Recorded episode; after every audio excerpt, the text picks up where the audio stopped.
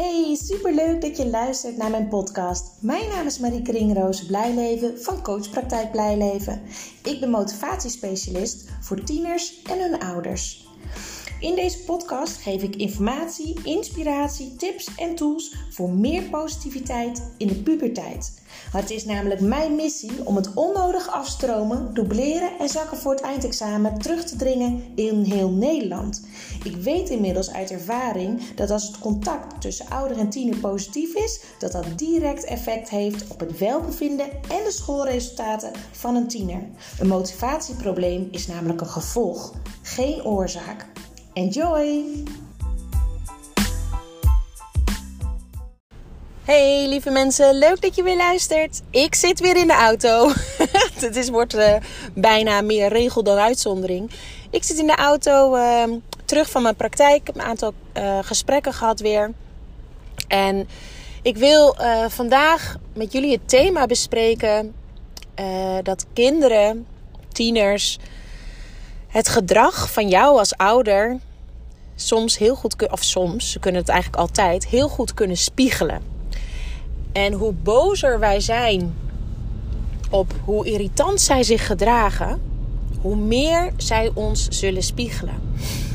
En het mooie, maar ook het moeilijke en ook het confronterende is dat alles wat jij je puber verwijt, dus wat je puber allemaal niet goed doet, uh, slecht doet, keuzes die hij maakt enzovoort, zegt bijna altijd, en dit is natuurlijk heel eng om zo te zeggen, maar zegt heel vaak iets over jou. En datzelfde is zo dat als een tiener, maar ook een ouder zegt van ik heb het idee dat anderen dit of dit vinden. Dan is dat iets wat jij diep van binnen van jezelf vindt. Dat is vaak wat er gebeurt.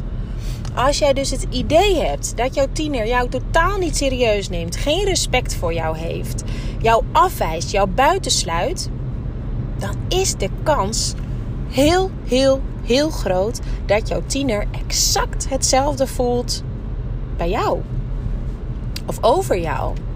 En die is vet confronterend. En die is ook heel lastig. Want hoezo doe je dat? Als ouder doe je dat helemaal niet. Jij reageert op wat je tiener doet, toch? Dat idee heb je in ieder geval. Maar jouw tiener reageert ook op jou zoals jij je gedraagt.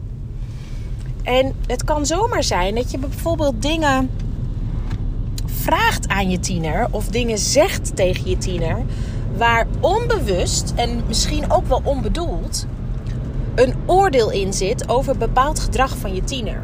En wat gebeurt er dan bij je tiener? Die klapt dicht. Want die heeft het idee: oh ja hoor, het is weer allemaal mijn fout. Ik doe het toch nooit goed. Nee, nee, nee, nee, nee. Ik luister niet meer. En gaat uit contact.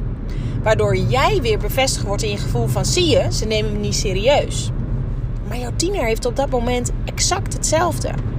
Er zit een oordeel in hoe jij je tiener bijvoorbeeld aanspreekt of wat je vraagt.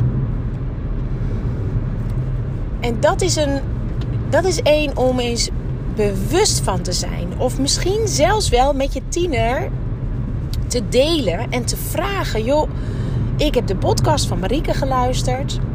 Luister jij hem ook eens eventjes?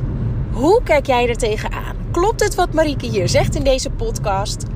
Heb jij precies hetzelfde gevoel als dat ik bij jou heb? Geef ik jou datzelfde gevoel ook? En ik weet bijna zeker dat dat wel de situatie is. En wat is er dan dus nodig om dat te doorbreken? Dat je wel weer met elkaar in contact komt. Eigenlijk gaat het vooral om elkaar leren begrijpen. Oog hebben voor elkaar. En nieuwsgierig zijn naar hoe het voor de ander is. Ik heb wel eens eerder al verteld over de twee poppetjes Eentje staat links, eentje staat rechts en er ligt een 6 op de grond. Het ene poppetje blijft maar schreeuwen dat het een 6 is. En het andere poppetje wordt woest, want die zegt: Het is een 9. Ik ben toch niet gek? En dat is wat er zo ontzettend vaak gebeurt bij ouders en pubers. Ze kijken naar dezelfde situatie, maar ze zien wat anders. Maar ze hebben allebei gelijk. En dan is het dus heel waardevol om nieuwsgierig te zijn waar het misgaat in de communicatie. Of in, in het, ja, ja, in de communicatie is het heel vaak. Of in, in de manier van kijken. Waardoor de ene zes ziet en de andere negen ziet. Dus zet je eigen behoefte eens opzij. En ga eens bij je kind na wat hij nou eigenlijk voelt en ervaart. Waardoor ontstaat de ruzie? Wat maakt jouw puber zo boos aan de dingen die jij zegt of doet? Ja, je neemt me nooit serieus. Jij geeft mij altijd de schuld van alles. Jij wil altijd alles weten. En alles moet altijd op jouw manier. Kortom, ze snakken naar autonomie. Ze willen iets te zeggen hebben. Ze willen meedenken. Ze willen gezien, gehoord en serieus genomen worden. En dan, als je daar dus naar kan luisteren en kan vragen: joh, jeetje, goed dat je dit allemaal zegt. Ik ben me hier totaal niet bewust van, want zo bedoel ik het helemaal niet. Weet je wat ik eigenlijk bedoel? Of weet je wat mij dwars zit? Of weet je wat, wat, wat ik voor gevoel krijg door jouw gedrag? En dan met je, ben je met elkaar in contact. Nou ja, door jouw gedrag. Het moet natuurlijk geen oordeel worden of verwijt. Want daar moet je echt bij wegblijven. Want dan klapt, dan klapt de ander dicht. Zodra je iemand verwijten gaat maken, dan klapt de ander dicht. Dan trekt hij een schild op, dan trekt hij een beschermingsmuur op, een overlevingsmechanisme. Ze gaan uit. Ze gaan uit contact, ze nemen je niet meer serieus. Ze denken, la la la la, gaan we weer. Blijf daarvan weg. Maar wees nieuwsgierig. En soms is het goed om daar even mee te wachten. Als iedereen weer uit emotie is en zegt: joh, wat gebeurde er nou eigenlijk? Het ging weer mis tussen ons. Ik wil leren wat ik anders kan doen, hoe ik het anders moet doen. Maar ik heb jou daar wel bij nodig. Wat ging er mis? Wat deed ik fout? Waardoor het weer misging. Leg het bij jezelf neer. Wedden dat jouw tiener uiteindelijk ook kan aangeven wat hij zelf fout deed. Wat hij zelf misschien anders had kunnen doen. Of wat hij zelf misschien niet helemaal goed heeft gedaan. Want dat is heel grappig. Zodra ik in een gesprek met ehm, ouders en tieners uiteindelijk ga. Ehm, terwijl ik eerst alleen met de tieners praatte. Hebben ouders heel vaak het idee dat hun tieners niet eerlijk hebben verteld. Ehm, hoe zij zichzelf gedroegen. Hè, de tiener. Waardoor de ouder dus reageerde zoals ze reageerde. Maar de tieners hebben dat 9 van de 10 keer dus wel heel vaak verteld. Volgens mij heb ik al heel vaak 9 van de 10 keer gezegd in deze podcast. Hoe vaak wel niet? Een stuk of drie, vier keer misschien. Maar goed, heel vaak betekent dat dus. Um, dus dat is heel mooi. Ze zijn echt wel. Ze kunnen echt wel reflecteren hoor. 9 van de 10 tieners. Nee, grapje. Nee, ze kunnen echt wel reflecteren. En hoe meer open jij kan staan, hoe, hoe minder oordeel en, en hoe bewuster jij bent van wat je vraagt en wat je zegt, hoe meer zij open en eerlijk durven te antwoorden, hoe dichter je bij de kern komt, hoe meer je met elkaar in contact komt. Want stop met verwijten maken. Bedenk eens welke verwijten maak jij naar je tiener, die je tiener waarschijnlijk ook over jou maakt.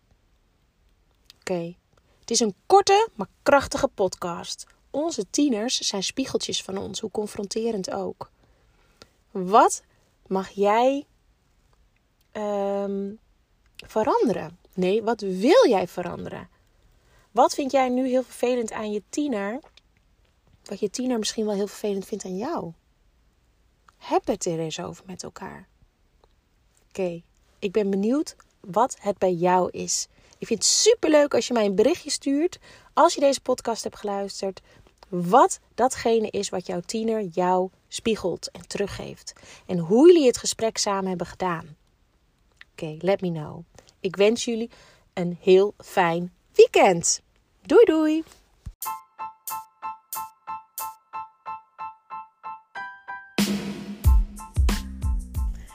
Dit was weer de aflevering van deze podcast. Ik hoop dat je het leuk hebt gevonden, dat je er veel informatie, tips en inspiratie uit hebt kunnen halen. Ik ben ontzettend benieuwd wat jij van deze podcast vond en wat je eruit hebt gehaald. Want ik neem ze op, maar ik wil heel graag weten hoe het is voor jou als luisteraar om dit allemaal te horen. Wil je mij dat laten weten via een persoonlijk berichtje? Dan vind ik dat hartstikke leuk. Wil je andere ouders motiveren, stimuleren? en inspireren met podcast, deel het dan op social media. En wil je mij contacten? Dat kan via www.coachpraktijkblijleven.nl. En wie weet spreken we elkaar snel. Fijne dag!